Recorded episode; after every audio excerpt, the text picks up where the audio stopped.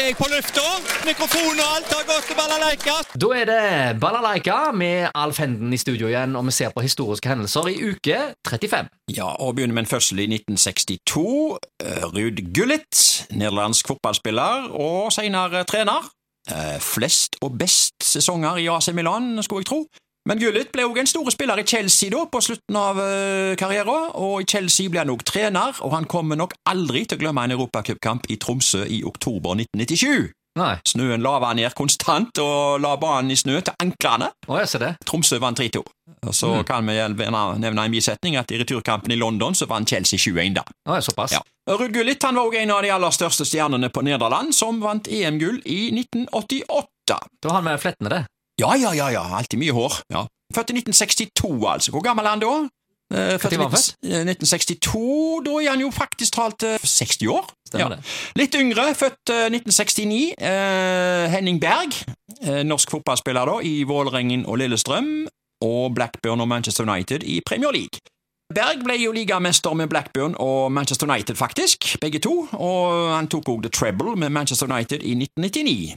For Norge så var han kaptein i VM i 1998, og etter karrieren så har han vært trener for flere norske eliteserieklubber og i utlandet, og blant annet i Legia Warszawa.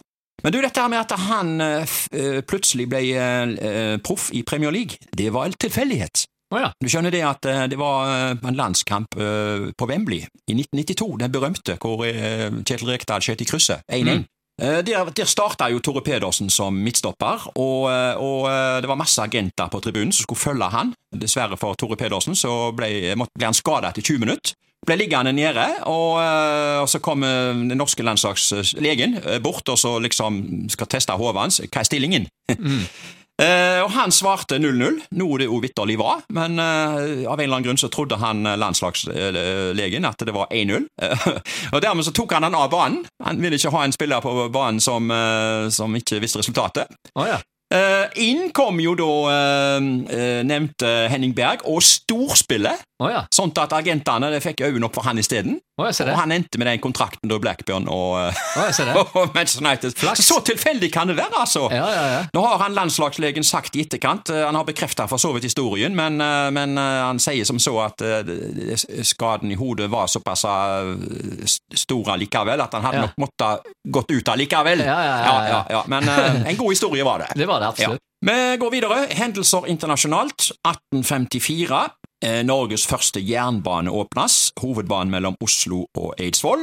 1899. Nationaltheatret i Kristiania åpnes. Den første sjefen der var forresten sønn av Bjørnstjerne Bjørnson, eh, Bjørn Bjørnson. Så går vi på hendelser lokalt, og vi tar kino i uke 35. Eh, Der har jeg tatt 1968 denne gangen. På festiviteten gikk filmen South Pacific en ungdomsfilm. På Håndverkeren gikk Smuglerne i Møllegården, en barnefilm. Og så det en voksenfilm med Døden i hælene. Eh, Det var altså en thriller. Det var altså kinomenyen i 1968. Det gikk jo ikke så mange filmene samme kveldene på den tida der. Det var ikke så mange kinosaler. 1965, du. Salg av personbiler. Haugesunds Avis skrev personbiler for 9 millioner kroner solgt i Haugesunds politidistrikt første halvår. De mest solgte bilmerkene første halvår 1965 i Haugesund.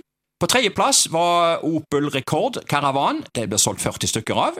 Uh, Andreplass Opel Kadett, 45 stykker.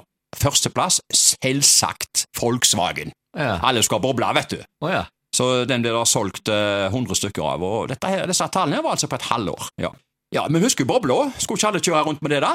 Eh, Vi har nå sett utallige bobler. Uh, Ja, Det var jo pop en stund, var jo ja, det. de var skikkelig pop. De var det, altså. Jeg hadde ikke varmeapparat. Det er sant. 2010. Overskrift i Haugesunds Avis. Enklere på TV. Ja, Det gjelder jo curling, da. Dette var vanskeligere enn det ser ut for på TV, konstaterte Torbjørn Føyer etter sitt første møte curlingsporten fredag kveld. Kommunen inviterte til gratis curlingkurs i den nye ishallen fredag ettermiddag. Til sammen 48 deltakere var påmeldt til de to øktene. Ja, dette her var altså i 2010, og dette her var jo etterdønningene etter gull eh, i 2002, da, med Pål Trulsen og de. Etter det skulle jo alle lære seg curling. Eh, Før det syntes alle det var dumt uh, å se på TV. Jeg husker godt Sportsrevyen på 70-80-tallet. Det var det kom innslag med curling. Det var en, en som kasta en stein, og så var det to som for og kosta. Og det var mye fleiping og flåsing med det, men uh, du verdens populær den sporten ble når folk først forsto reglene. Ja. og fikk se hele kamper. Det var utrolig spennende. Så, øh, men Valseth å spille, altså. Det er mange som har funnet ut at det, er lettere å se på TV ja, enn, øh, enn å spille. En som fant ut det, var jo han øh, Atle Antonsen. Han spilte jo inn en film i sin tid. Kong curling. Ja, eh, og han brukte jo eh, dagavis på å så, eh, lære seg å stå på beina og Ja. kaste den steinen. Ja, ja, ja. Og steinen er jo 20 kilo òg, og ja. Men, men altså, curling, eh, det, det kan jeg òg si. Det har en eh, opprinnelse fra Skottland, og den eldste kjente curlingsteinen er datert året 1511.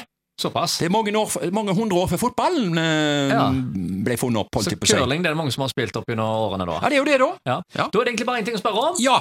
Curlingbanen i Haugesund! Hot or not? Er det hot? Den er hot!